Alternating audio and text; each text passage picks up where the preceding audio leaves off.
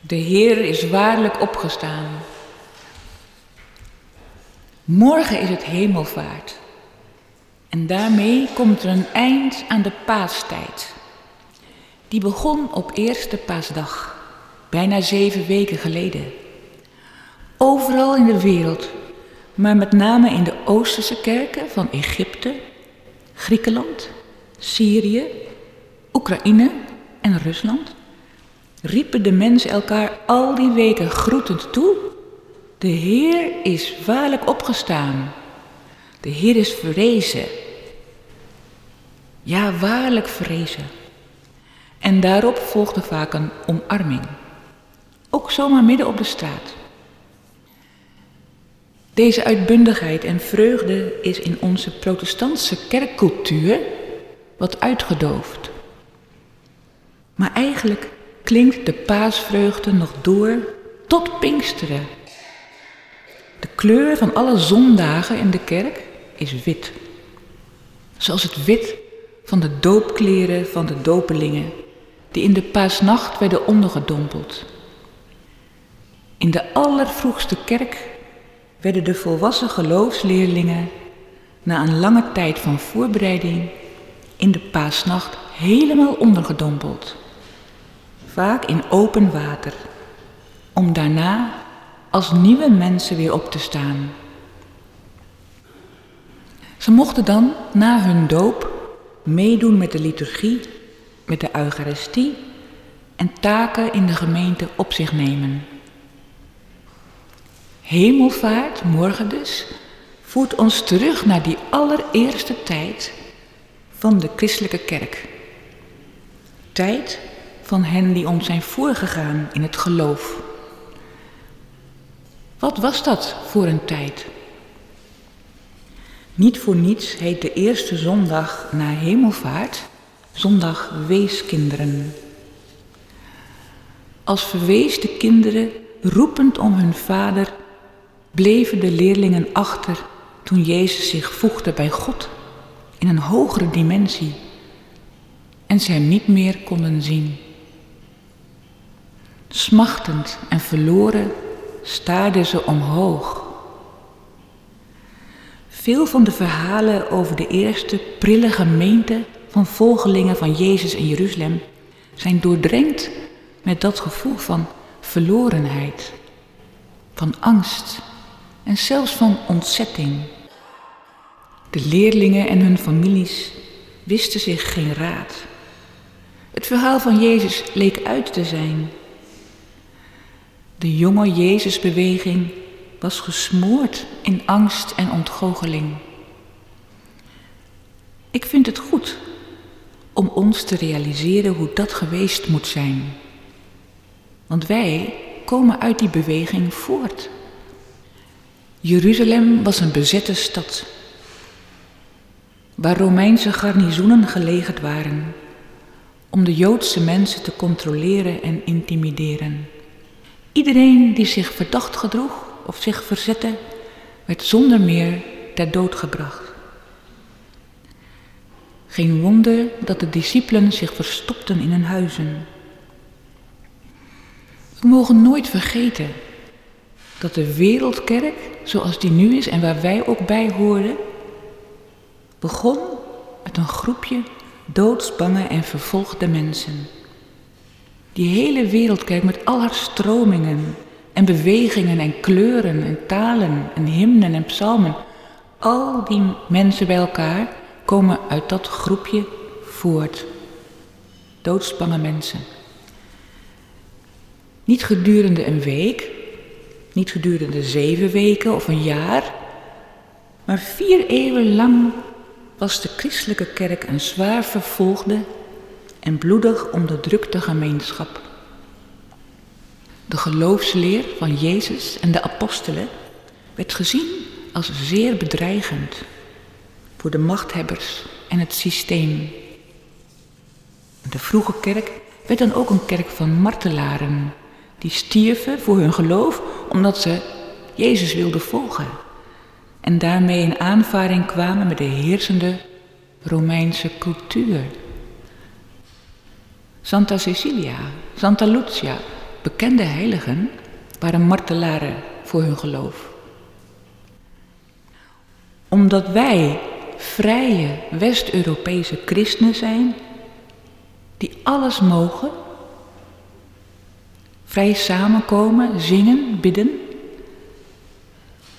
hun geloof uiten, omdat wij vrije West-Europese christenen zijn, is het besef dat wij voortkomen uit een langdurig vervolgde kerk ons een beetje ontglipt.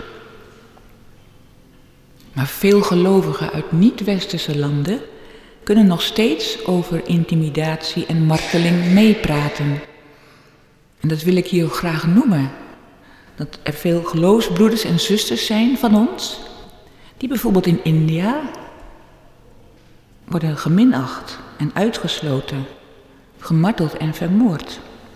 Op dit moment. Zij moeten een hoge prijs betalen voor hun getuigenis van Gods liefde. Zij kunnen niet vrij samenkomen, hun kerken worden in brand gestoken.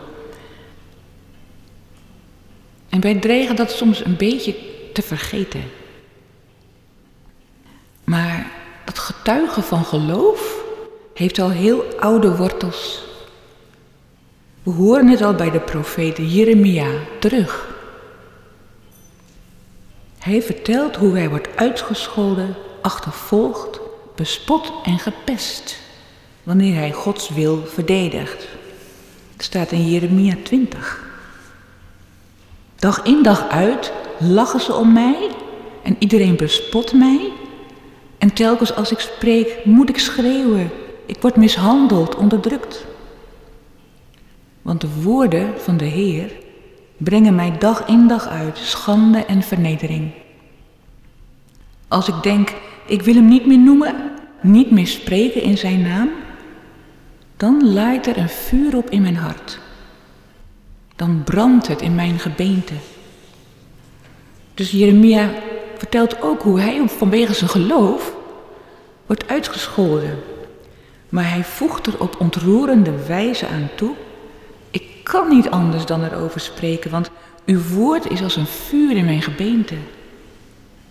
Jeremia wordt uiteindelijk doodgeslagen, maar zijn woorden raken nog.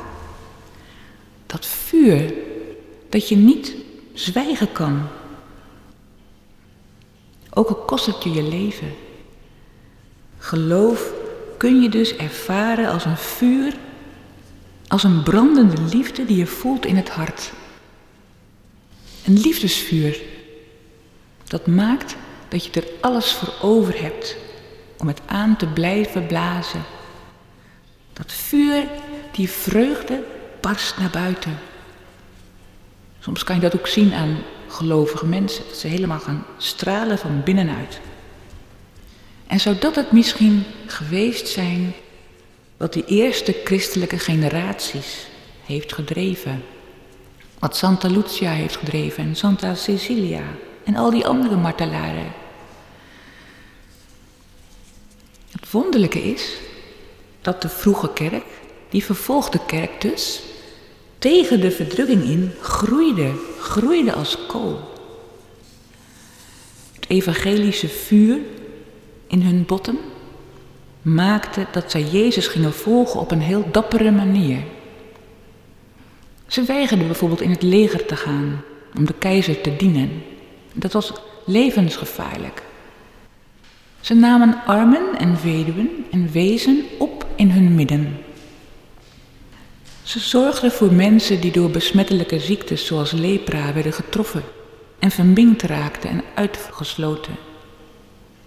Ze zorgden voor invaliden soldaten die niet meer konden vechten, maar een half been hadden. En andere mensen met gebrek. Want die werden in de samenleving van toen echt aan hun lot overgelaten. En zij kochten ook slaven vrij uit de galeisschepen.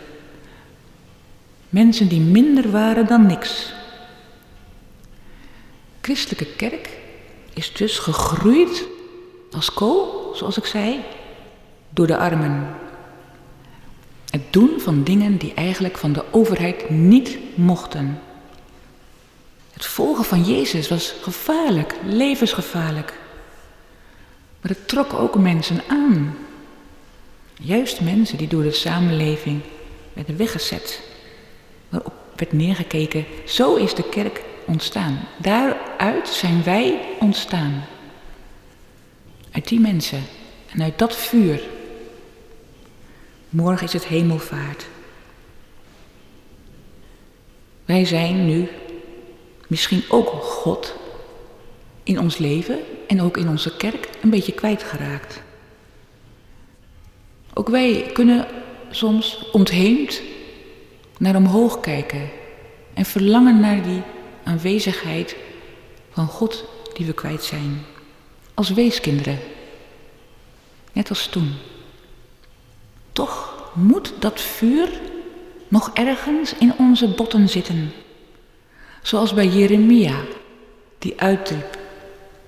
Ik moet erover spreken. Dat vuur, dat kan nog niet gedoofd zijn. Zo klein als het is. Zo klein misschien als het vlammetje op de paaskaars. Zo krachtig kan het worden. Hoe ongelooflijk ook. Als de vuurzee op de Pinksterdag. Ik moet denken vandaag aan mijn opa. Ik wil zijn naam noemen, omdat het 4 mei is geweest en 5 mei. Ook toen pleegden mensen verzet, omdat ze dat vuur in hun binnenste voelden om de Heer te volgen in het zorgen voor andere mensen. Dus mijn opa die is op een middag in 1944 niet meer teruggekomen van een huisbezoek bij onderduikers op een Groningse boerderij. Hij werd opgepakt en weggevoerd. En nog steeds denk ik vaak aan hem terug. Hij kwam dus niet meer thuis bij zijn vrouw en kinderen. Hij was dominee op het Groningse platteland. Dan denk ik vaak aan hem terug. Dan denk ik van, en jij hebt je leven gegeven om andere mensen te redden. Dat was omdat jij achter Jezus aanliep. Je kon niet anders. Je kon gewoon niet anders dan dat doen. En daarom sta ik denk ik nu ook hier. Vanwege dat vuur dat hij ook had. En zijn dood is diep betreurd, nog tot op de dag van vandaag. Maar dat vuur, dat vuur blijft branden. Dat is nog niet gedoofd. In mij niet en in u ook niet. Dat vuur kan krachtig worden. Ja, als de vuurzee op Pinksterdag. En wij, wij zullen ook opnieuw in vuur en vlam staan voor Gods nieuwe wereld. Mogen Hij ons dapper maken en moed geven om Zijn weg te gaan. Amen.